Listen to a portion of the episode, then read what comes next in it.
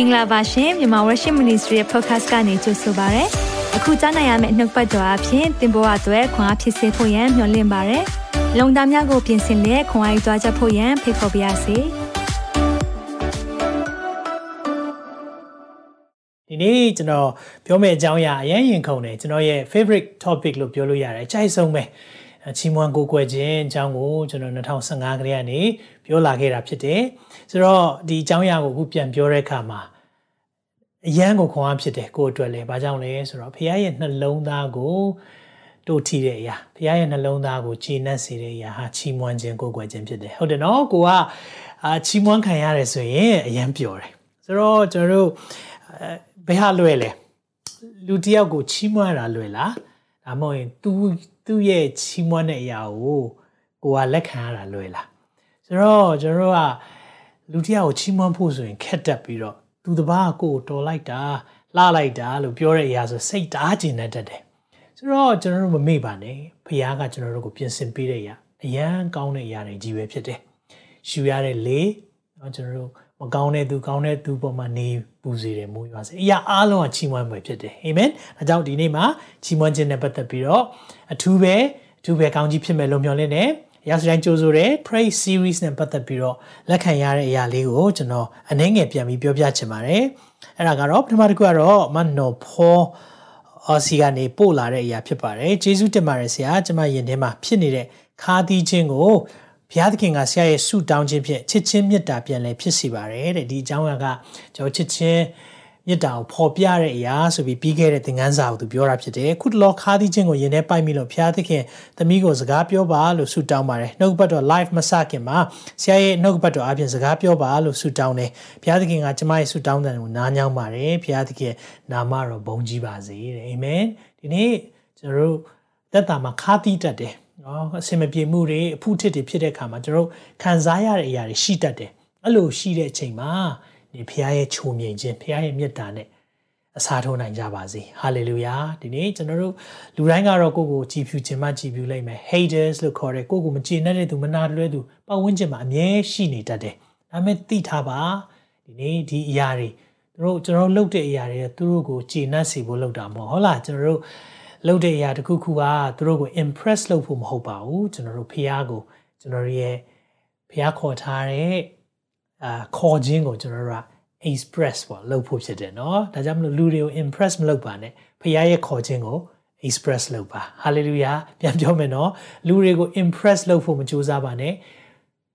ဖះကိုကိုယ့်ရဲ့ချစ်ခြင်းမေတ္တာကို express လုပ်ပါဖော်ပြပါအာမင်ဒုတိယဆူတောင်းခံချက်ကတော့ဒါပြီးခဲ့ဒီမိနစ်လေးကပဲရောက်လာတာဖြစ်တယ်เนาะဆိုတော့အဲ့ဒါကတော့ဘာပြောလဲဆိုတော့ဒီချစ်ချင်းမြတ်တာဖော်ပြခြင်းပေါ့เนาะပြီးပြီးခဲ့တဲ့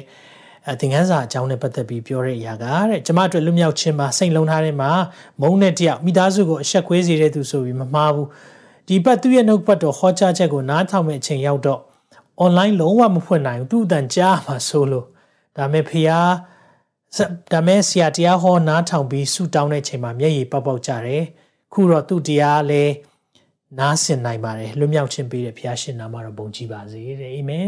ဒီမောင်နှမတွေကြားမှာခါတိမှုရှိတတ်တယ် ဆိုတော့မောင်နှမတွေဟာတဲ့နော်ဒီနေ့နှုတ်ပတ်တော်ညီကိုဟာခက်ခဲတဲ့ကာလအတွက်မွေးဖွားတာဖြစ်တယ်တဲ့နော်ဒါကြောင့်ကျွန်တော်တို့စင်ပြေတဲ့ကာလမှာအာမေတ္တာပြနိုင်တယ်လို့ခက်ခဲတဲ့ကာလမှာလည်းမေတ္တာပြနိုင်ဖို့လိုတယ်တယောက်နဲ့တယောက်ဒါကြောင့်မလို့ဒီနေ့ဖះကိုချစ်တယ်ပြောပြီးတော့ညီကိုမုန်းရင်မှုတာကိုသုံးတဲ့သူဖြစ်တယ်တဲ့နော်အဲကြောင့်420မဖြစ်ရအောင်အာမင်ဒီနှုတ်ပတ်တော်သွားရအောင်ကျွန်တော်တို့ဂျေဇုတင်တဲ့ အရာလေးကိုဖော်ပြမယ်ဆိုတဲ့အရာကိုဒီနေ့မှာကျွန်တော်တို့လေ့လာသွားမှာဖြစ်ပါတယ်ဆိုတော့ကျွန်တော်တို့ဂျေဇုတင်ကြောင်းဘယ်လိုဖော်ပြရမလဲဆိုတော့ဂျေဇုတင်လူတစ်ယောက်ကဂျေဇုတင်တယ်လို့ပြောရင်စိတ်ထဲမှာဘယ်လိုခံစားရလဲအဲ့ဒါလေး comment ရေးပေးပါလူတစ်ယောက်ကိုဂျေဇုတင်လိုက်တာလို့ပြောရင်စိတ်ထဲမှာဘယ်လိုခံစားရလဲ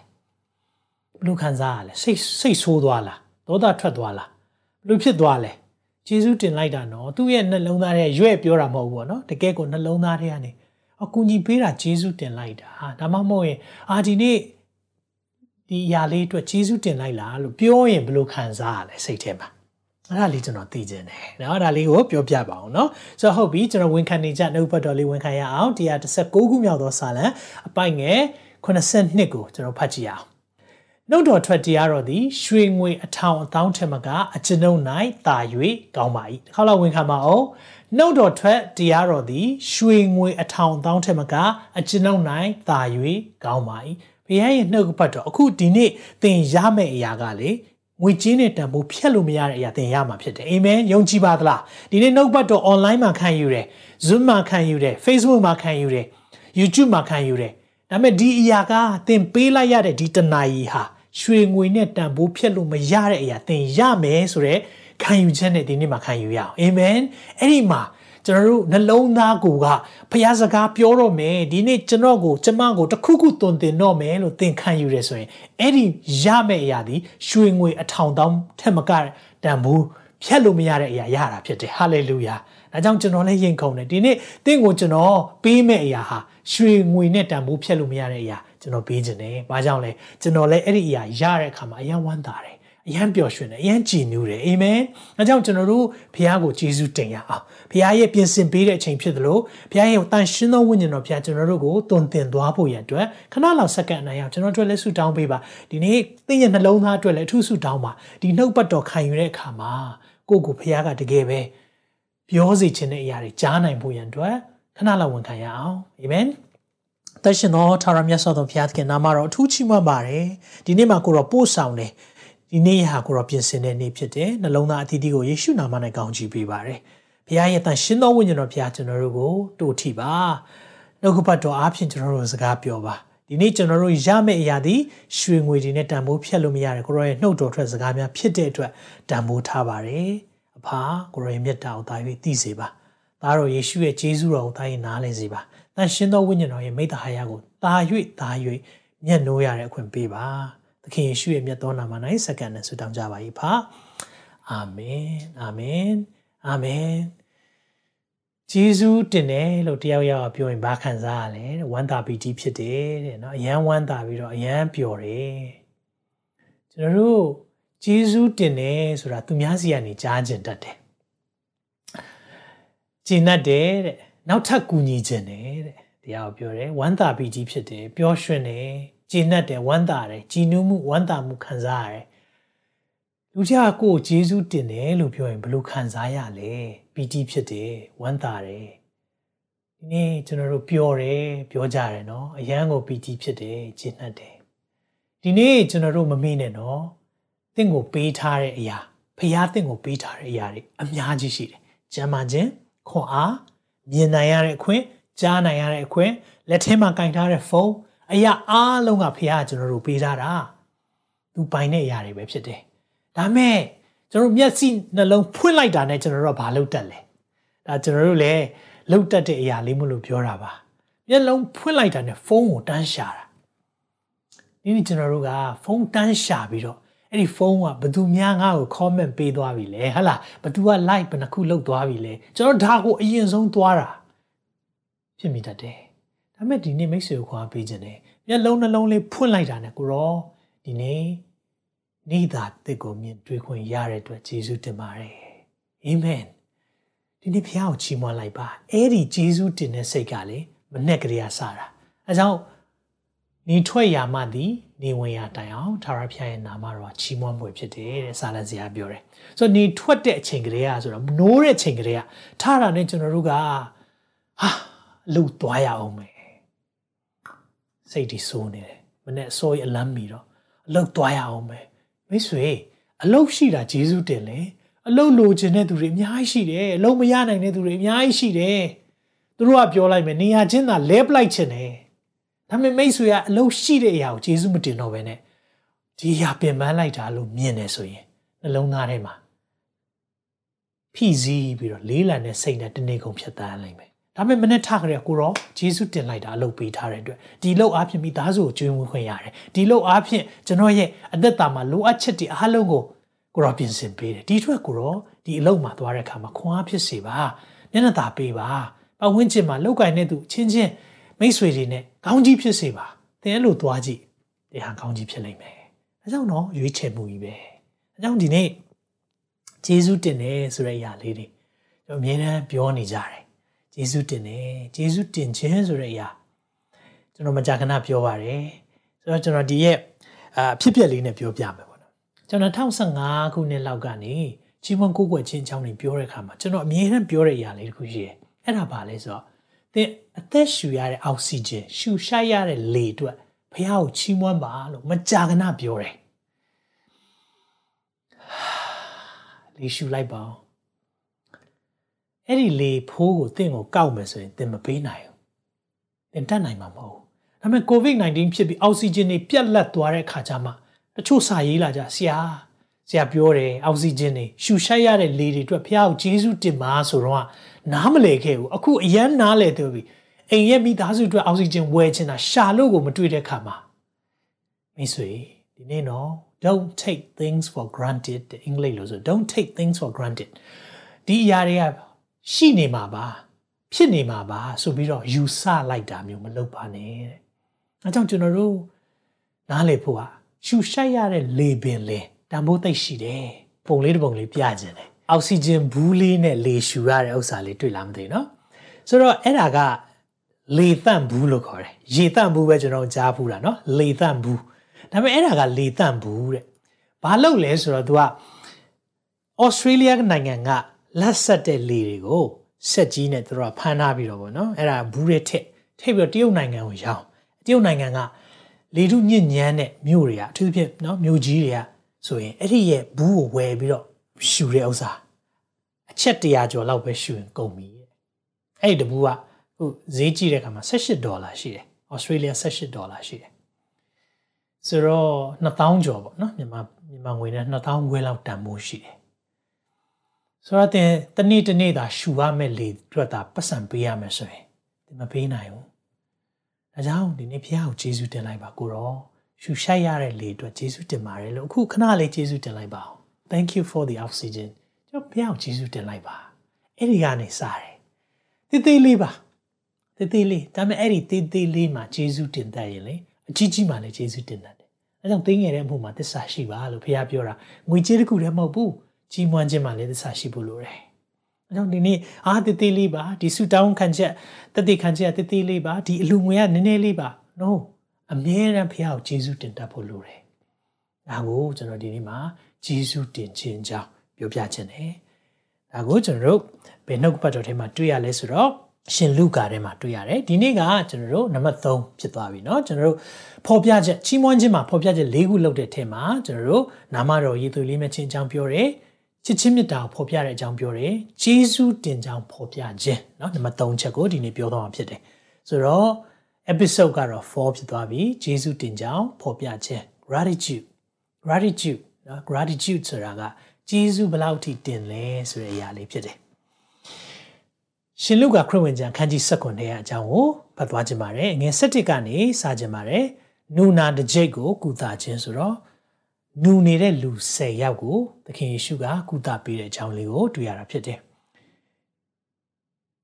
ငွေ17ကဖတ်ချင်ပါတယ်။ ယေရုရှလင်မြို့သို့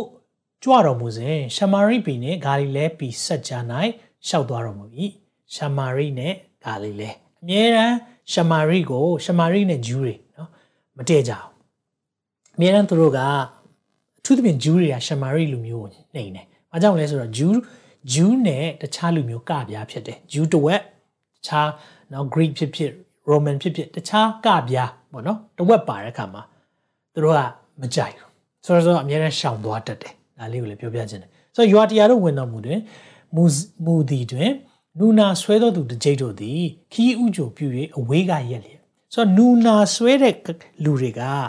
လူမှုအတိုင်းဝိုင်းကသူတို့ကိုလက်မခံဘူးလူမှုအတိုင်းဝိုင်းကသူတို့ကိုအဲ့ဒီအချိန်တုန်းကဆိုလက်မခံတဲ့အပြင်သူတို့ကဘာလုပ်ထားရလဲဆိုတော့သူတို့ရဲ့ခါမှာဖြစ်ဖြစ်ခြေထောက်မှာဖြစ်ဖြစ်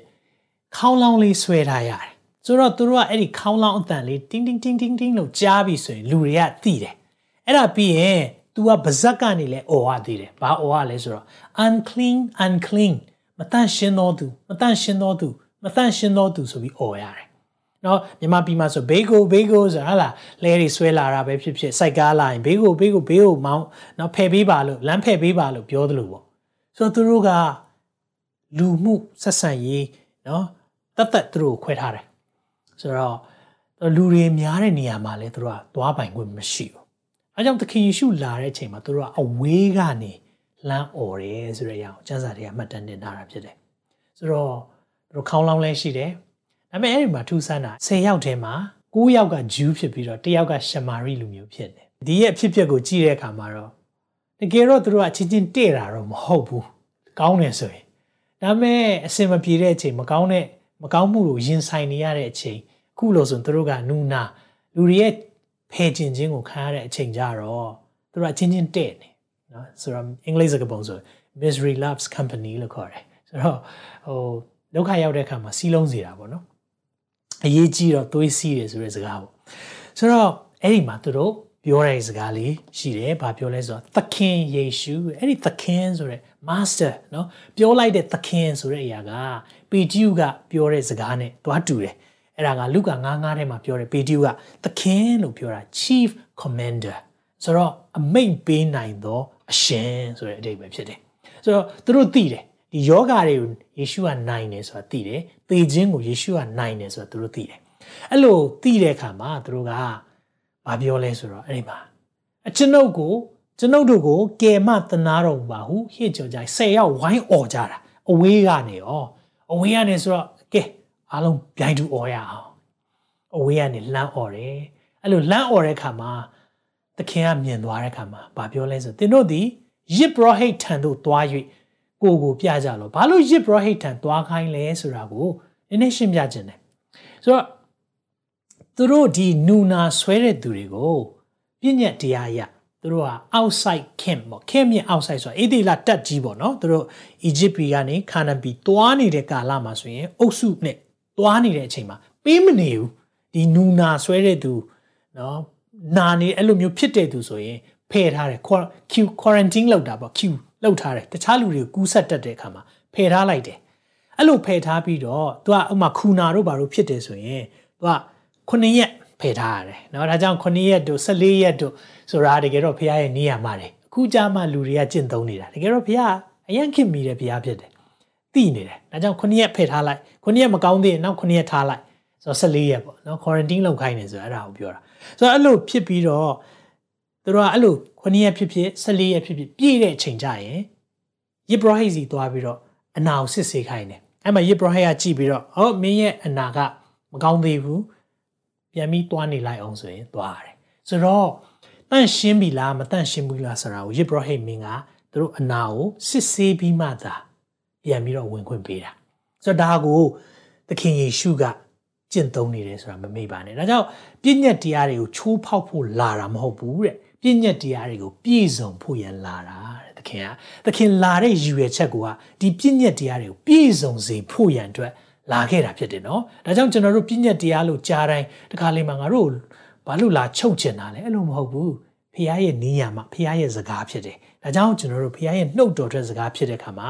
ဖီးယားကဒီအရာကိုလေးလေးစားစားနဲ့သူ့စကားတွေအားလုံးသူဖြတ်ပြီးတော့ကြိုက်ကြိုက်တယ်လို့လုပ်မယ်လို့မဟုတ်ဘူးပြည်စုံဖို့လာတာအဲ့ဒါသွားလောက်ခိုင်းတယ်ဒါပေမဲ့အဲ့မှာနှုတ်ပတ်တော်ထဲမှာဘာတွေ့ရလဲဆိုတော့သူတို့ဒီသွားစဉ်တွင်နော်ယိဘရာဟိမင်းစီသွားတဲ့အချိန်မှာတန့်ရှင်းခြင်းတို့ရောက်ကြ၏သူတို့ကတော့သခင်ကပြောတယ်ကဲယေဘရမဟိမင်းကိုသွားပြပါလို့သွားပြောနေတဲ့အချိန်မှာသူတို့မှာဆုံးဖြတ်ချက်ချပြီ မဆုံးဖြတ်ချက်ချရမလဲသိလား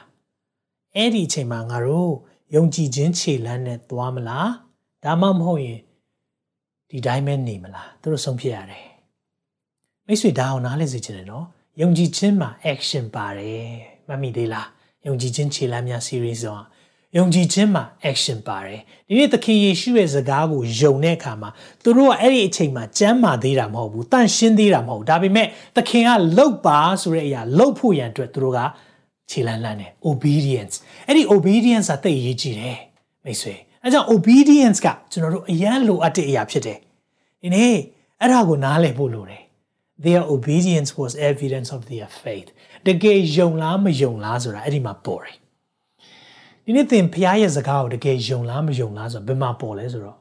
တကယ်တမ်းလှုပ်သလားမလှုပ်သလားပုံမှာမူတည်တယ်ဒီဖရားကပြောပြီးချစ်ချင်းမေတ္တာရှိပါလို့ပြောရင်လှုပ်သလားမလှုပ်သလားခွင့်လွတ်ပါလို့ပြောရင်လှုပ်သလားမလှုပ်သလားသင်သခင်ပုံမှာတကယ်ယုံနေဆိုရင်ဒါကသင် action ပြဖို့လိုတယ်ဒီ10ယောက်ကတော့ action ပြတယ်သခင်စကားပြောလိုက်တယ်ဟုတ်ပြီယေဘရဟိမင်းစင်သွားပါကျမ်းမာသေးတာမဟုတ်ဟာပျောက်လည်းမပျောက်ဘူးရောမဟုတ်ဘူးသခင်ကပြောပြီဆိုတော့သွားမယ်ကွာ သူတို့စပြီးခြေလန်းလန်းတယ်အာမင်မိတ်ဆွေလည်းဒီနေ့မှာယုံကြည်ခြင်းခြေလန်းစလန်းဖို့ရန်အတွက်ဘုရားရှင်သင်ကိုခွန်အားပေးပါစေသင်လောက်ရမယ့်အရာလေးတွေသင်သိတယ်သင်လောက်ရမယ့်အရာသင်သိတယ်နော်ဝိညာဉ်တော်ကနှိုးဆော်နေတာကြာပြီအိမ်မက်ဒီနဲ့လည်းစကားပြောလိမ့်မယ်ဆရာသမားကြီးနဲ့လည်းစကားပြောလိမ့်မယ်လောက်ပါလောက်ဖို့လိုတယ်ဒါဟုတ်မမေ့ပါနဲ့အာမင်ဆိုတော့အဲ့ဒီမှာသူတို့ကသွားတယ်ဒီရဲ့ပုံပြင်လေးကဘာနဲ့တောင်မှ ကျွန်တော်တို့နှိုင်းရှင်ကြည့်လို့ရလဲဆိုတော့ဓမ္မရာဇဝင်သရုတ်ထဆောင်အခန်းကြီး9ထဲမှာပါတဲ့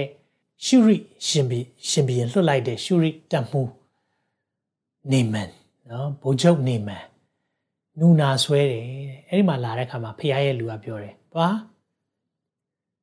ဂျော်ဒန်မြစ်ထဲမှာခုနှစ်ကြိမ်နှစ်လာတဲ့ဆိုတော့ဂျော်ဒန်မြစ်ကြီးကနောက်နေပြီးတော့မတန့်ရှင်တဲ့ခါမှာ तू ချက်ချင်းလက်မခံနိုင်ဘူးဟာဒါတက်တက်စော်ကားတာပဲငါတို့ ရှူရီဆိုတာဆီးရီးယားပေါ့နော်ဆီးရီးယားမှာဒီတက်ကောင်းတဲ့မြစ်တွေရှိတယ်ဒီတက်တန့်ရှင်လှပတဲ့မြစ်တွေရှိတယ်ဒီဘုရားသခင်ကကျွန်တော်တို့တစ်ခါလေခိုင်းတဲ့အရာလေးတွေကလူညံနဲ့စဉ်းစားရင်လေဘာမှလက်ခံနိုင်စရာမရှိတဲ့အရာတွေပြောတယ်ဒါပေမဲ့ဘုရားအဲ့လိုမဟုတ်ဘူးအင်းကျွန်တော်တို့ကိုလေ obedience ဆိုစမ်းတာတကယ်လက်ခံနိုင်လားတကယ်လိုက်လုံနိုင်လားမလုံနိုင်လားဆိုဘုရားစမ်းလေးရှိတယ်အဲ့လိုစမ်းတဲ့အခါမှာသူတို့ကဖြေရသွားတယ်နောက်ဆုံးကြတော့ပြောတယ်အာ ဒီတက်ခက်တဲ့အရာလှုပ်လှုပ်ခိုင်းရင်တော့လှုပ်မှာပဲမဟုတ်လားဆိုပြီးသူ့တပည့်တွေပြောတဲ့အခါမှာဘိုးချုပ်နေမှโอเคဒါဆိုလည်းလှုပ်ကြည့်လိုက်မယ်လေဂျော်ဒန်မြစ်ထဲမှာခုနှစ်ချိန်နှစ်လိုက်တဲ့အခါမှာသူ့ရဲ့အသားရည်ကကလေးသူငယ်ရဲ့အသားရည်ကဲ့သို့လှပပြီးပြန်ကောင်းသွားတယ်ဆိုတော့နာငံချင်းနောက်ွယ်မှာကောင်းကြီးရှိတယ်ဟာလေလုယာဝန်ခံပါအောင်နာခံခြင်းနောက်ွယ်မှာကောင်းကြီးရှိတယ်ဒီနေ့သူတို့နာခံလိုက်တယ်ကဲနာခံလိုက်တယ်ဒါပေမဲ့အဲ့ဒီ story ကနာခံခြင်း story เนาะကျွန်တော်ဒီအကြောင်းပြောတဲ့ဟာနာခံခြင်းနဲ့ယုံကြည်ခြင်းခြေလမ်းအကြောင်းတင်ပဲမဟုတ်ဘူးအဲ့ဒီရဲ့နောက်ဆက်တွဲလေးဒါလေးသိစိတ်ဝင်စားဖို့ကောင်းတယ်ဒါလေးကိုကျွန်တော်တို့ဒီနေ့မှာဒါကိုအထူးပဲလေ့လာသွားရအောင်ဆိုတော့ကျွန်တော်အချက်၃ချက်ပြောသွားခြင်းတယ်ဆိုတော့အဲ့ဒီမှာတန့်ရှင်းခြင်းရောက်တဲ့အခါမှာဘာဆက်လုပ်လဲဆိုတာကို story ထဲမှာကြည့်ရအောင်ထိုသူတို့တွင်တယောက်သောသူသည်အနာရောဂါကင်းလွတ်သည်ကိုသိမြင်လျင် သွားတဲ့အချိန်မှာအနာရောဂါပျောက်ပြီးဆိုရင်ပြန်လာ၍ကြီးသောအတန်နဲ့ဘုရားသခင်ကုံတော်ကိုချီးမွမ်းလေ၏တဲ့ဘုရားကုံတော်ချီးမွမ်းနေတဲ့ကြီးသောအတန်ပြောကြည့်ပါကြီးသောအတန်အကျယ်ကြီးချီးမွမ်းတာဟာလေလုယာအကျယ်ကြီးချီးမွမ်းတာဟာလေဆိုတာ praise hallelujah the lord praise the lord ဘုရားကိုချီးမွမ်းပါတယ်လို့ပြောတာ hallelujah ကြီးသောအတန်နဲ့ကိုချီးမွမ်းတယ်ခြေတော်ရင်း၌ပြက်ဝတ်၍ worship ကိုပြတာ ကိုးကွယ်ခြင်းကိုပြပြီနှိမ်ချခြင်းကိုပြပြီဂျေဇုတော်ကြီးလာပါသည်ဟုဝန်ခံလေ၏ထိုသူသည်ရှမာရိလူဖြစ်သည်ရှမာရိနော်ဂျူးတွေနှိမ်ထားတဲ့တယောက်ဒါပေမဲ့ဂျူးတွေကိုမကြိုက်တဲ့တယောက်ကဂျူးတယောက်စီမှာနော်သခင်ယေရှုကဂျူးပဲဂျူးစီမှာလာပြီးတော့ဂျေဇုတင်ပါတယ်ဆိုပြီးပြက်ဝတ်တယ်တဲ့ယေရှုကလည်းတကြိတ်တော့သူတို့ဒီတန်ရှင်းတို့ယူ10ယောက်မဟုတ်ဘူးလားတဲ့မေးပြီနော်သခင်မေးတဲ့စကား10ယောက်မဟုတ်ဘူးလား9ယောက်တော့9ယောက် တော့သူတို့ဒီအဘယ်မှာရှိကြသနည်းတကြိတ်ဆိုတာ10ယောက်ကိုပြောတာအဲ့ဒီ9ယောက်ဘယ်ရောက်သွားလဲတဲ့ဤတပါဤတပါမျိုးသားကိုထားပြီးဘုရားသခင်ကုန်းတော်ကိုချီးမွမ်းခြင်းကပြန်လာတော့သူတယောက်မှမရှိသလိုကဲတကယ်တော့သူတို့ကအဲ့ဒီဒီတယောက်ကိုထားပြီးပြန်လာပြီးတော့ချီးမွမ်းရမှာမဟုတ်ဘူးလားဘာကြောင့်မရှိတာလဲဒါပေမဲ့ရှမာရိလူကိုပြန်ပြောလိုက်တယ်သင်ထ၍သွားလောသင်၏ယုံကြည်ခြင်းသည်သင်၏အနာကိုငြိမ်းစေပြီအာမင် ဒီနေ့သုံးခုကျွန်တော်တွေ့တယ်ဒီရဲ့ story မှာယူစရာသင်ခန်းစာဒီတယောက်ကျွန်တော်တို့ကိုသင်ပေးသွားတယ်သခင်ကကျွန်တော်တို့ကိုဂျေဇူးတင်ခြင်းနဲ့ပတ်သက်ပြီးသင်ပေးတာဂျေဇူးတင်ခြင်းဆိုတာပေါ်ပြဖို့လိုကိုလိုတယ်။အော် तू သိပါတယ်ငါတို့ဂျေဇူးတင်တယ်ဆိုတာမသိဘူးပြောပါပြောပါဒါကြောင့်ကျွန်တော်အယံဝမ်းသာတယ်ချိုးတွေနှုတ်ကပတ်တော်ကိုဆရာခွာရတယ်ဒီနှုတ်ကပတ်တော်အပြင်ကျွန်တော်ကိုကောင်းကြီးအယံဖြစ်စေတယ်သိဖို့လိုတယ် တချို့ကဂျေဇုကိုကပြောပြန်တင်ရမလို့လို့ဖြစ်နေဟာလည်းရှိတယ်တချို့ကြတော့ဆရာဆရာနှုတ်ဘတ်တော့နားထောင်နေတော့တဲ့အော်ဟုတ်ကဲ့ဂျေဇုတင်ပါတယ်လားမိတ်ဆွေသင်အတွက်မဟုတ်ဘူးလားသင်ရဲ့ဝိညာဉ်အတွက်မဟုတ်ဘူးလားအဲကြောင့်ကျွန်တော်တို့ဂျေဇုတင်ခံချင်တာထက်ဂျေဇုတင်တဲ့စိတ်ဒီနေ့သင်ရဲ့ဂျေဇုတင်တဲ့စကားတွေတက်တည်ခံချက်တွေကြားရင်ကျွန်တော်ဖះဝယ်ဂျေဇုတင်တယ်ဒါဖះအလုပ်လုပ်နေတာအာမင်အဲကြောင့်ဒီနေ့ဒီရဲ့ အဖြစ်အပျက်ကနေကျွန်တော်တို့ကိုသင်ပေးတဲ့အရာရှိတယ်။ဂျေဇုတင်ခြင်းဘလောက်ရေးကြည့်လဲ။နံပါတ်1ချက်ဘာလဲဆိုရင်ဂျေဇုတင်ကြောင်းဖော်ပြခြင်းကိုသခင်မျှော်လင့်တယ်။ The Lord expects your gratitude သင်ဂျေဇုတင်တယ်ဆိုတဲ့စကားသခင်မျှော်လင့်တယ်နော်မျှော်ကိုမျှော်လင့်ထားတယ်ဒီနေ့အော်ဖះအကုန်သိတာပဲဖះသိပါတယ်ကိုတော့သိတယ်နော်ကိုတော့သိတယ်နော်တော့လုံးလိုက်သေးတယ် မဟုတ်ဘူးဂျေဇုတင်တယ်ဆိုတဲ့အရာပြောကိုပြောဖို့လိုတယ်ဂျေဇုတင်ကြောင်းပေါ်ပြခြင်းကိုသခင်မျှော်လင့်တယ်ဘာကြောင့်မျှော်လင့်လဲအဲ့ဒီမှာအငယ်ဆက်ခွန်မှာယေရှုကလည်းတကြိတ်တော်သူတို့ဆယ်ယောက်မဟုတ်ဘူးလားတန်ရှင်းသွားတာခုနတော့ဆယ်ယောက်မဟုတ်ဘူးလားတဲ့အဲ့9ယောက်ပဲမှာလဲတဲ့9ယောက်ပဲမှာလဲဒီနေ့ဖះမေးနေတယ်သင်အဲ့ဒီတယောက်ထဲမှာတယောက်တော်သူရှမာရိလူကဲ့သို့ပြန်လာတော်သူလားဒါမှမဟုတ်အဲ့ဒီ9ယောက်ထဲမှာပါတဲ့လူလား သင်စဉ်းစားပါနော်ကျွန်တော်ပြန်စဉ်းစားတဲ့အခါမှာကျွန်တော်ကလေ9ယောက်ထဲမှာပါနေတတ်တယ်။မြောက်မစီရင်ပါနဲ့အောင်ကိုကိုကိုပဲပြန်ပြီးစီရင်ရအောင်ကိုကိုပဲပြန်ပြီးသုံးသပ်ကြည့်အောင်အဲ့ဒီ10ယောက်ထဲမှာ9ယောက်နဲ့ကိုကပို့ပြီးတော့အဖွဲပို့ကြနေ။ဘာကြောင့်လဲဆိုတော့ဖခင်ကိုဂျေစုတင်ဖို့မိမိနေတတ်တယ်။အဲကြောင့်မိတ်ဆွေဒီနေ့နှုတ်ပတ်တော်ဟာကျွန်တော်တို့ကိုကျွန်တော်တို့ပြန်ဆန်းစစ်ရမယ့်အရာကိုကိုကိုသတိပေးရမယ့်နှုတ်ပတ်တော်ဖြစ်တယ်။ သခင်ဟာကျွန်တော်တို့ဂျေစုတင်တဲ့အရာကိုမျှော်လင့်တယ်။မျှော်လင့်တယ်။အဲကြောင့်ဘလောက်ထိမျှော်လင့်ထားလဲ။ဒီနေ့ကျွန်တော်တို့အဲ့ဒီ9ယောက်ထဲမှာပါနေတတ်တယ်နော်။အဲ့စင်ချင်ကြည့်ရအောင်။အဲကြောင့်မလို့ယောမ1:21မှာသင်မချီးမွမ်းတဲ့သူဖြစ်တယ်။အဲ့ဒီ9ယောက်ထဲမှာပါတယ်ဆိုရင်ဘယ်လိုပြောလဲဆိုတော့အကြောင်းမူကားထိုသူသူဘုရားသခင်ကိုသိလျက်ပင်ဘုရားကိုသိတယ်တဲ့။ဘုရားသခင်ဘုရားသခင်ကိုချီးမွမ်းသင့်သည့်အတိုင်းမချီးမွမ်းကျေးဇူးတော်ကိုလည်းမသိမမှတ်အချီးနီးတွေးဆခြင်း သတိမရှိသောစိတ်နှလုံးမိုက်မဲခြင်းတို့ရောက်ကြ၏ဒီနေ့မချီးမွမ်းတဲ့သူဘုရားကိုကျေးဇူးမတင်တဲ့သူဘုရားဒီလိုပဲပြောတယ်ဘလို့ပြောလဲနှလုံးသားမိုက်မဲတဲ့သူ foolish နှလုံးသားမိုက်မဲတယ်အေးဆယ်ယောက်မဟုတ်ဘူးလားဒီတော့သခင်အံ့ဩရနော်ဆယ်ယောက်မဟုတ်ဘူးလားဆယ်ယောက်မဟုတ်ဘူးလားကိုးယောက်ပဲရောက်သွားလဲနောက်တစ်ခုကျွန်တော်နားလည်လိုက်တယ်တကယ်တမ်းဖခင်ကိုနှလုံးသားနဲ့ ပြန်ပြီးဂျေဇုတင်တဲ့သူကလူနည်းစုပဲဖြစ်တယ်ဆယ်ယောက်မှတယောက်ဆိုတာဆယ်ရာခိုင်နှုန်းပဲတရားမှာဆယ်ယောက်လောက်ပဲဖခင်ကိုဂျေဇုတင်တတ်တာဒီဒီထဲမှာလည်းအဲ့လိုလူတွေမပါဘူးကျွန်တော်အယမ်းကိုမျှော်လင့်ပါတယ်နော်တကယ်ကိုမျှော်လင့်နေမိတ်ဆွေကျွန်တော်တို့အဲ့ဒီဆယ်ရာခိုင်နှုန်းထဲပါတဲ့သူတွေဖြစ်ရအောင်ဟာလေလုယာဘုရားကိုချီးမွမ်းတော်သူတွေဘုရားရဲ့ပြုတဲ့အရာကိုကျေးဇူးတင်တတ်တော်သူတွေဖြစ်ဖို့ရန်အတွက်ကျွန်တော်တို့ဒီဒီနေ့မှာကိုကိုကိုပြန်ပြီးခွန်အားပေးရအောင်ဘေးကလူရှိရင်ပြောလိုက်ပါအော င်ဘုရားကိုကျေးဇူးတင်ဖို့လိုတယ်လို့ပြောလိုက်ပါအောင်ဘုရားကိုကျေးဇူးတင်ဖို့လိုတယ်နော်လို့တယောက်နဲ့တယောက်သတိပေးရအောင်ဘုရားကိုကျေးဇူးတင်ရအောင်နော်လို့အာမင်မချီးမွမ်းတဲ့သူကဖေနှလုံးသားမိုက်မဲတယ်လို့ပြောတယ်ဘုရားကအဲကြောင့်ကျွန်တော်တို့တယောက်နဲ့တယောက်ပြန်ပြီးတော့သတိပေးပါချီးမွမ်းဖို့လိုတယ်နော်ယေရှုတော်ချီးမွမ်းဖို့လိုတယ်နော်လို့သတိပေးဖို့လိုတယ်အာမင်နံပါတ်1ချက်ဒီရဲ့အဖြစ်ဖြစ်မှာယေရှုတင်တတ်ခြင်းဟာသခင်ရဲ့စိတ်နှလုံးကို ကြည်နပ်စေတယ်အာမင်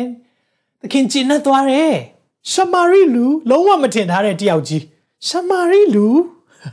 ရှမာရိတယောက်ပြန်လာတယ်ဟိုဟို၉ယောက်ဂျူး၉ယောက်ပဲရောက်သွားလဲ။အော်ဂျူး၉ယောက်ကပြောပြမယ်။ဘာဘဲရောက်သွားလဲသိလား။ဖျားပေးတဲ့လက်ဆောင်မှာဂျေနပ်ပြီးတော့လေ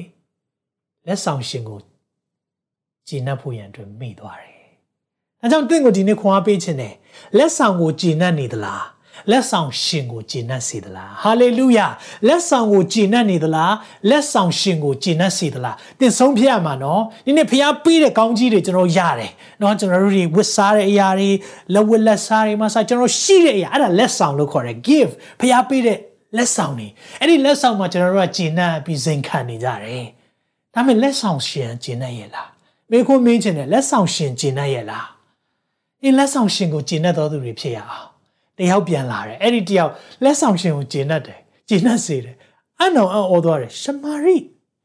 ရှမာရိတယောက်ကဘာလို့ပြန်လာပြီးတော့ဟိုဂျူးကိုယောက်ကဖះကိုချီးမွမ်းတင်တာဖះကိုပိုတိတဲ့သူကိုယောက်ဘဲရောက်သွားလဲဒါကြောင့်တော့ယေရှုတော်မချီးမွမ်းခြင်းတဲ့သူတွေကိုတခုပဲပြောခြင်းတယ်သင်တော်မိုက်မဲတဲ့သူပဲမိုက်မဲတာနှလုံးသားမိုက်မဲတာချီးမွမ်းတာကိုကဲရတဲ့ဆရာတွေနှလုံးသားမိုက်မဲတာမချုပ်ထားပါစေနဲ့ တင့်အသင်းသားတွေလွတ်ပေးလိုက်ပါဖះကိုချီးမွမ်းတာဘာလို့ချုပ်ထားကြတာလဲဖះကောင်းမြတ်ခြင်းကိုရည်တွက်ချင်တာလေဘာလို့ချုပ်ထားတာလဲမလုပ်ပါနဲ့အပြစ်ကြီးတယ်ဒီနေ့ဖះကိုချီးမွမ်းပါစေဟာလေလုယာဖះကိုချီးမွမ်းပါစေအကြောင်းဒီနေ့လက်ဆောင်မှာပဲကြည်နေတာတဲ့လက်ဆောင်ရှင်ကို ကြည်နပ်ပါစေအာမင်လက်ဆောင်เนาะဒီမှာသူတို့က9ယောက်ဘယ်ရောက်သွားလဲဒါပေမဲ့အဲ့ဒီ တပါးမျိုးသားဖျားကုံတော်ချီးမွမ်းပြီးပြန်လာတဲ့ခါမှာဖျားကပြောလဲသင်ရဲ့ယုံကြည်ခြင်းသင်အနာကိုငြိမ်းစေတယ်ဟာလေလုယာကျင့်နှံ့စေတယ်သခင်ကိုကျင့်နှံ့စေတဲ့အရာဖြစ်တယ်အကြောင်းဟေဘရဲ73အငယ်15မှာဒီလိုပြောပါတယ်ထို့ကြောင့်ငါတို့သည်ဖျားသခင်ဂျေဇုတော်ကိုဝန်ခံလျက်နှုတ်ခမ်းအသီးတီးဟုသောချီးမွမ်းခြင်းရစ်ကိုပြောကြည့်ပါနှုတ်ခမ်းအသီးတီးဟုသောချီးမွမ်းခြင်းရစ်ဒီနေ့ကျွန်တော်တို့ကနှုတ်ခမ်းအသီးဆိုတာပါဇက်ဖွင့်ဖို့လိုတယ် နှုတ်ရဲ့အသီးလို့ပြောတဲ့ခါမှာစကလုံးသုံးဖို့လိုတယ်စကလုံးနဲ့ပေါ်ပြဖို့လိုတယ်ဖျားရှင်ကောင်းမြတ်လိုက်တာကိုရောကိုဂျေဇုတင်လိုက်တာကိုရောကျမရဲ့ဘဝအတွက်ကျွန်တော်ရဲ့ဘဝအတွက်ပြောဖို့လိုတယ်မိတ်ဆွေဒီနေ့ပြောဖို့လိုတယ်နော်ပြောတဲ့ခါမှာတဲ့နှုတ်ခမ်းအသီးဆိုတာအဲ့ဒါကိုပြောတာအဲ့အသီးလို့ပြောတဲ့ခါဂျေဇုတော်ချီးမွမ်းခြင်းရစ်ကိုသခင်ယေရှုအားဖြင့်ဘုရားသခင်ရှေ့တော်၌အစင်ပူဇော်ပြောကြည့်ပါဦးအစင်ပူဇော်အာဆန်နီတရက်ထဲလားမဟုတ်ဘူး ဘယ်ချိန်ပူဇော်ရမလဲအစင်ပူဇော်ဒါကြောင့်ချီးမွမ်းခြင်းဆိုတာ daily life ပဲနေ့တိုင်းလုပ်ရတဲ့အရာနေ့တိုင်းကိုချီးမွမ်းနေရမှာအာမင် hallelujah ဒီနေ့ချီးမွမ်းတယ်အော်ကျွန်တော်ဒီနာမိတ်ဆွေတယောက်ရှိတယ်သူကဘုရားအရန်ချီးမွမ်းတာဟာလေလုယာအလုပ်ဝင်တာလေသူဟာလေလုယာဆိုသူ့ကိုလူတွေကဟာလေလုယာလို့ပဲခေါ်တယ်တဲ့အလုပ်မှာသူ့နာမည်ရင်းအောင်မသိတော့ဟာလေလုယာလို့ပဲသိတယ်သူကလည်းဟာလေလုယာဆိုလာတယ်တဲ့ကျွန်တော်သဘောကျတယ် လူတွေကကိုဟာလေလုယာအဖြစ်သိတယ်ဆိုတော့ဒါသိကောင်းတဲ့အချက်သိအောင်ဘယ်လိုသိလဲအဲတယောက်သွားမနေတော့ complain complain လုပ်လက်တယောက်ဆိုရင်အဲ့လိုကြားရတာမကောင်းဘူးလေနော်အဲအဲ့ကြောင့်တော့မသွားနဲ့အတင်းပြောလိုက်မယ်အဲ့လိုအဲ့လိုသိနေလားသိအောင်အလုပ်မှာအဲ့တယောက်တော့သွားကြည့်နော်ဟောပွားစီပွားစီလုပ်တဲ့တယောက်အဲ့လိုပြောရင်သင်ကြိုက်မလားဒါမှမဟုတ်အဲ့တယောက်နော်ဟာလေလုယာတယောက်ဟေးပဲဟာလေလုယာအာမင်ချီးမွမ်းခြင်းသိရေးကြည့်တယ် ဟာလေလုယာ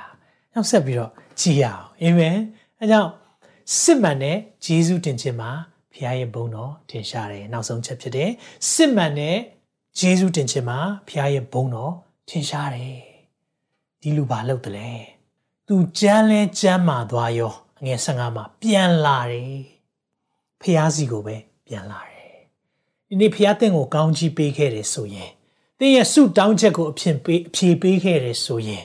ဒီနေ့သခင်ထံပြန်လာပြီးတော့ကြီးသောအတန်နဲ့ဖခင်ရဲ့ဂုဏ်တော်ကိုချီးမွမ်းပါဟာလေလုယာဖခင်ဘုန်းတော်ထင်ရှားတယ်ဘေးကလူတွေကတွေးပြီပေါ့ဟာဒီတယောက်ပြန်လာတယ်ဒီတယောက်ဖခင်ကိုဝတ်ပြုတယ်ဒီတယောက်ဂျေဇုတင်ကြောင်းကိုပြောတယ်အဲ့လိုမျိုးတွေ့တဲ့အခါမှာဖခင်ကဘာပြောလိုက်လဲသင်ရဲ့ယုံကြည်ခြင်းဟာသင်ရဲ့အနာကိုငြိမ်းစေပြီတခြားလူတွေလည်းအနာငြိမ်းသွားပါတယ်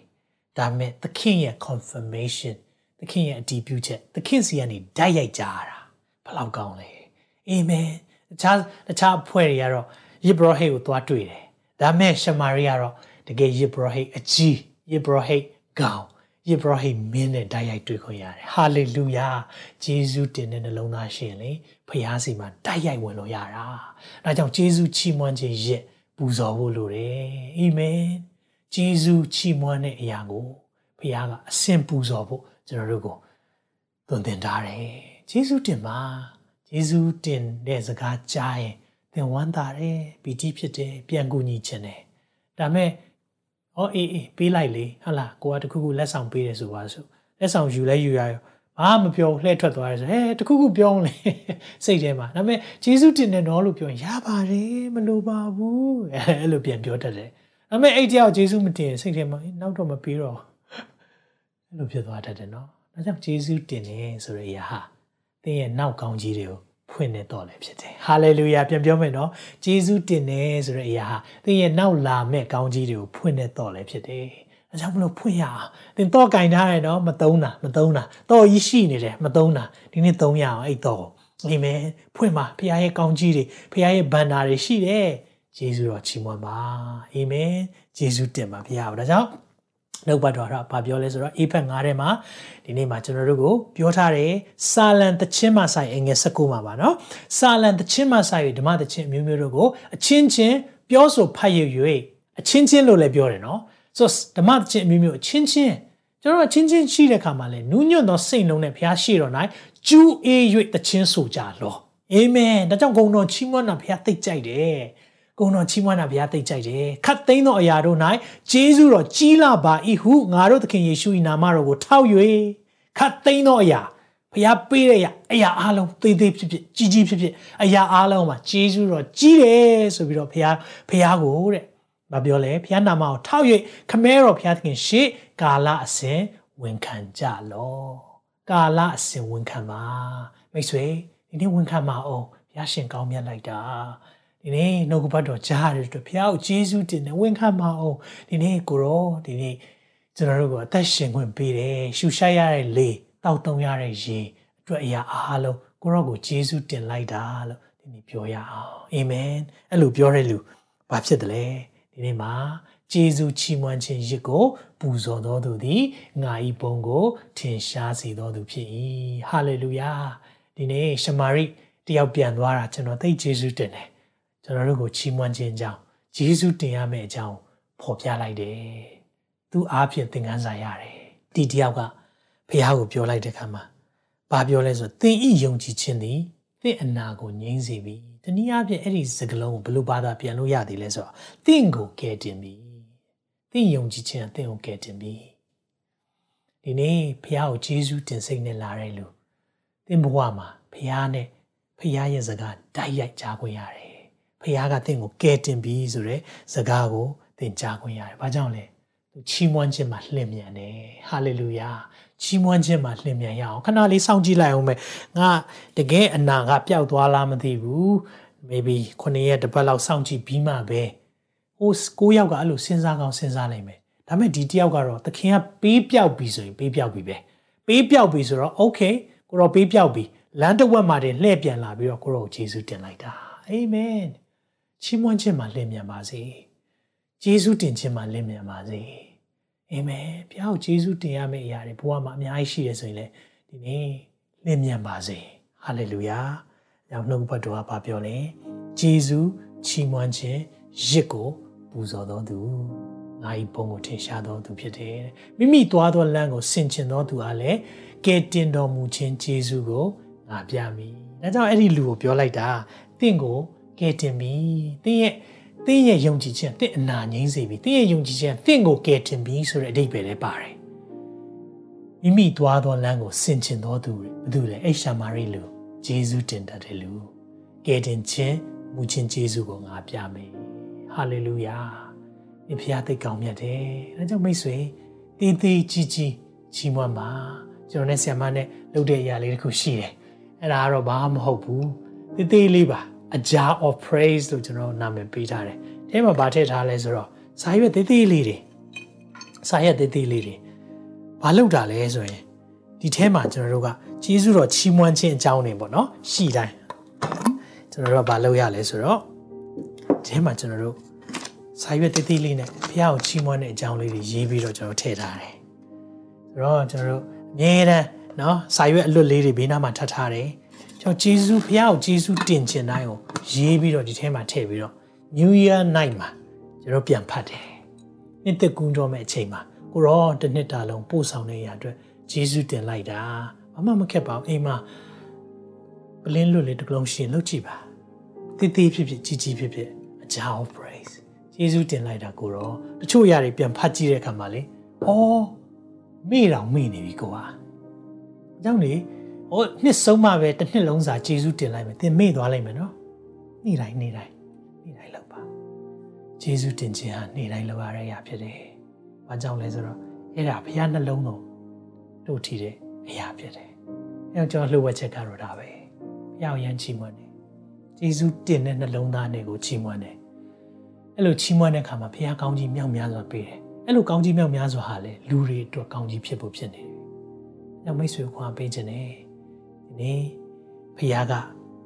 ဂျေဇုတင်ကြောင်းဖော်ပြခြင်းကိုသခင်မျှော်လင့်ထားတယ်နံပါတ်1ချက်နံပါတ်2ချက်ကတော့ဂျေဇုတင်သက်ခြင်းဟာသခင်ရဲ့စိတ်နှလုံးတော်ကိုဂျေနပ်စေတယ်နံပါတ်3ချက်ကတော့စစ်မှန်တဲ့ဂျေဇုတင်ခြင်းမှာဘုရားသခင်ရဲ့ဘုန်းတော်ထင်ရှားတယ်ဟာလေလုယာအမိတ်ဆွေချီးမွမ်းရအောင်ဂျေဇုတင်ရအောင်ရေတောက်တိုင်းအောင်ဂျေဇုတင်ဖို့လိုတယ်ကျွန်တော်အဲ့ဒါကိုလည်း မကြာခဏပြောတယ်ဒီနေ့လည်းပြောပြမယ်ရေးကျွန်တော်တို့ရေးလို့ပြောတဲ့အခါမှာရေကကျွန်တော်အခုချိန်မှာပေါ်တယ်လေတော့တောင်းနိုင်တယ်ရေတန့်နော်တော့ဩစတြေးလျနိုင်ငံမှာဖြစ်ဖြစ်အင်္ဂလန်မှာဖြစ်ဖြစ်ဒီဘုံပိုင်ကနေလာတဲ့ tap water တောက်လို့ရတယ်တန့်အောင်တို့လုပ်ထားပေးတယ်ဆိုတော့ဒါမဲ့ကျွန်တော်တို့ကရေပြန်ကြိုတောက်တာတော့ဒါမှမဟုတ်ရင်ကျွန်တော်ရေတန့်ဘူးဝယ်တောက်တာတော့ဒီမှာတွေလောက်ကြတယ်ဒါမဲ့တခါမှလူတွေက ဒီအရာတောက်တိုင်းကျေးဇူးတင်ရမယ်ဆိုတာကိုမသိဘူးကျောက်ကိုခန္ဓာကလေ80ရာခိုင်နှုန်းရေရေနဲ့လှုပ်ထားတာရေဓာတ်ပါတယ်အဲကြောင့်ထမင်းအသက်9ရက်တဲ့ရေအသက်10မိနစ်တဲ့ရေ10မိနစ်မတောက်ရင်တော့မခေါင်းကိုက်တာဘာကြောင့်လဲဆိုတော့ကျွန်တော်အုံနောက်ကရေဓာတ်လိုတဲ့ခါမှာဟိုခန္ဓာရေဓာတ်လိုတဲ့ခါမှာရေဓာတ်ရှိတဲ့နေရာနေဆွဲယူလိုက်တဲ့ခါမှာကျွန်တော်ခေါင်းကိုက်တာတွေဖြစ်တယ်ရေဓာတ် ကျွန်တော်ကရေ80ရာခိုင်နှုန်းရေတောက်ဖို့လိုတယ်ဒါပေမဲ့ရေတောက်တိုင်းရောယေရှုတင်လာပြအောင်ကျွန်တော် YouTube မှာဗီဒီယိုတစ်ခုတွေ့တယ်အာဖရိကမှာရေအရန်ရှားပါတဲ့ဒေသမှာအဲ့ဒီလူငယ်လေးတယောက်ရေလိုက်ရှာသူကပိန်ချောင်းပြီးတော့နံရိုးတွေပြိုင်ပြိုင်ထွက်ပြီးတော့ရေရှာတဲ့ခါမှာရေမတွေ့ဘူးရေမတွေ့တဲ့ခါမှာနောက်ဆုံးသူလုံးမမသွားနိုင်ရေအရန်စာလုံးတဲ့ခါမှာ နားနဲ့မနာဘဝနဲ့နာပါနွားကကျင်ငယ်ကြီးစွန့်တဲ့အရာကိုသူသွားတောက်တယ်ပြေးပြီးတော့ကျွန်တော်အဲ့ဒါကိုတွေ့တဲ့အခါမှာကျွန်တော်နှလုံးသားကြေကွဲသွားတယ်ကျွန်တော်ရေရှိတဲ့အခါမှာဘုရားကိုယေရှုတင်ရကောင်းမှမသိဘူးရေတောက်နေရတော့ဘုရားကိုယေရှုတင်ရမယ်ဆိုတာမသိဘူးဒီကြားပြီနေဘက်ကစစ်စစ်ဘေးရှောင်နေရေတောက်ရတာတိတ်ခက်ခဲတဲ့ဓာတ်ပုံတွေတွေ့တော့ကျွန်တော်ရမ်းမယ်နှလုံးသားကြေကွဲတယ် ဒါကြောင့်တင်ရေကောင်းကောင်းတောက်ရတယ်လေရှူရတယ်ဆိုယေရှုတင်လိုက်ပါသိငယ်တဲ့အရာပါမှန်တယ်အဲ့တသေးလေးမှာသစ္စာရှိလိုက်ကြီးတဲ့အရာဘုရားအားလိမ့်မယ်အာမင်အကြောင်းဒီနေ့ယေရှုတော်ချီးမွမ်းခြင်းရေပူဇော်ရအောင်ဘုရားစိတ်လုံးသားတို့ထီတဲ့အရာဖြစ်တယ်နှုတ်ခမ်းအသီးလို့ပြောတဲ့အတွက်ပါဇက်ကထုတ်ပြောဖို့လိုတယ်စာနဲ့ချရေးဖို့လိုတယ်ဘုရားယေရှုတင်တော်သူများဖြစ်ပါစေ ကိုရောဒီရနှုတ်ပတ်တော်အတွက်ယေရှုတင်တယ်ကိုရောဂျေဇုတင်မယ်ဆိုရင်ကျွန်တော်ဂျေဇုတင်ရမယ့်အရာများလွန်းလို့ပြီးတော့မှမဟုတ်ဘူးကိုရောအလောက်ထီတောင်ကိုရောကောင်းမြတ်တယ်။အဲကြောင့်ကိုရောကိုကြီးမွမ်းခြင်းဂုဏ်ပြုခြင်းအားလုံးကိုရောကိုပေးပါတယ်။ဂျေဇုတင်လိုက်တာကိုရောယူရှားရတဲ့လေအတွက်တောက်သုံးရတဲ့ရေအတွက်စားရတဲ့အစားအစာအတွက်တီးနှံကိုပေးတဲ့မြေကြီးအတွက်အရာအားလုံးအတွက်ကိုရောဂျေဇုတင်တယ်။ကိုရောကိုချီးမွမ်းတဲ့ဒီအတိုင်းမချီးမွမ်းခဲ့တဲ့ မိုက်မဲတဲ့နှလုံးသားများအတွက်လည်းဝင်ချထောင်းပန်ပါတယ်။ဒီနေ့ကစပြီးတော့ချီးမွမ်းခြင်းကိုဖော်ပြတော်သူများ Thanksgiving ဂျေဇုတင်ခြင်းကိုဖော်ပြတော်သူများဖြစ်ပါမိကြောင်းဝိညာဉ်တော်ဖျားကျွန်တော်တို့ကိုနှလုံးသားကောင်းချီးပေးပါချီးမွမ်းခြင်းရစ်ပူဇော်တဲ့သူဟာကိုရောဘုံကိုထင်ရှားစေတဲ့သူဖြစ်ကြောင်းကိုရောပြောတဲ့အတိုင်းပဲကိုရောဘုံနာမတော့ထင်ရှားပါစေရှမာရိနူနာခဲ့သူပဲကိုရော နူနာဆွဲပေမဲ့ကိုရောကောင်းမြတ်ခြင်းကိုမြင်တွေ့တဲ့အခါမှာလင့်မြန်စွာပြန်လာပြီးဂျေဇုတင်တဲ့လုံသားနဲ့ကိုရောကိုပြတ်ဖို့ကိုးကွယ်တဲ့ကဲ့သို့ကျွန်တော်တို့ဒီလေကိုရောကောင်းမြတ်ခြင်းတစ်ခုခုကောင်းကြီးရတဲ့အရာဆုတောင်းချက်ပြည့်စုံတဲ့အခါမှာလေကိုရောဂျေဇုတော်ကိုချီးမွမ်းတတ်တော်သူများဖြစ်ပါမိကြောင်းတပါးသောသားမြတ်သခင်ရှုနာမ၌စက္ကအနံရင်ဂျေဇုတော်ကိုချီးမွမ်းကြပါ၏ပါအာမင်အာမင်မိတ်ဆွေချီးမွမ်းပါနော် ချီးမွမ်းစရာရှိတဲ့အရာတွေကိုချီးမွမ်းရအောင်ရရှင်အသင်ကိုဆက်လက်ပြီး ချီးမွမ်းဖို့ရန်အကြောင်းမြောက်များစွာပေးပါစေအာမင်ကျွန်တော်ကောင်းချီးပေးခြင်းနဲ့ဆုံးသက်မယ်ထာဝရဘုရားဒီသင်ကိုကောင်းချီးပေး၍ဆောင်းမတော်မူပါစေသောထာဝရဘုရားဒီသင်၌မျက်နာတော်အလင်းကိုလွှတ်၍ဂိယနာခြေဆုပြုတော်မူပါစေသောထာဝရဘုရားဒီသင်ကိုမြှောက်ကြည့်၍ချမ်းသာပေးတော်မူပါစေသောလူတွေရဲ့ဉာဏ်စည်းမမိနိုင်တဲ့ဘုရားငြိမ်သက်ခြင်းဝမ်းမြောက်ခြင်းပျော်ရွှင်ခြင်းများသင်နဲ့တင်မိသားစုပေါ်မှာတက်ရောက်ပါစေနောက်ထုတ်လွှင့်ချက်မှာပြန်လည်ဆုံတွေ့ပါဦးမယ်ချီးမွမ်းကြပါစို့ဟာလေလုယာ တင်ခုလိုနာဆင်ခွန်အားနိုင်ခြင်းဟာမြန်မာ Worship Ministry ကိုလာဆင်ပန်ပိုးနေကြတဲ့ Kingdom Partners များအကြောင်းဖြစ်ပါတယ်။ဖျားခင်နိုင်ငံတော်ကျယ်ပြန့်ရေးအတွက်လာဆင်ပေးကမ်းပောင်းဖို့ရန်ဖိတ်ခေါ်လိုပါတယ်ရှင်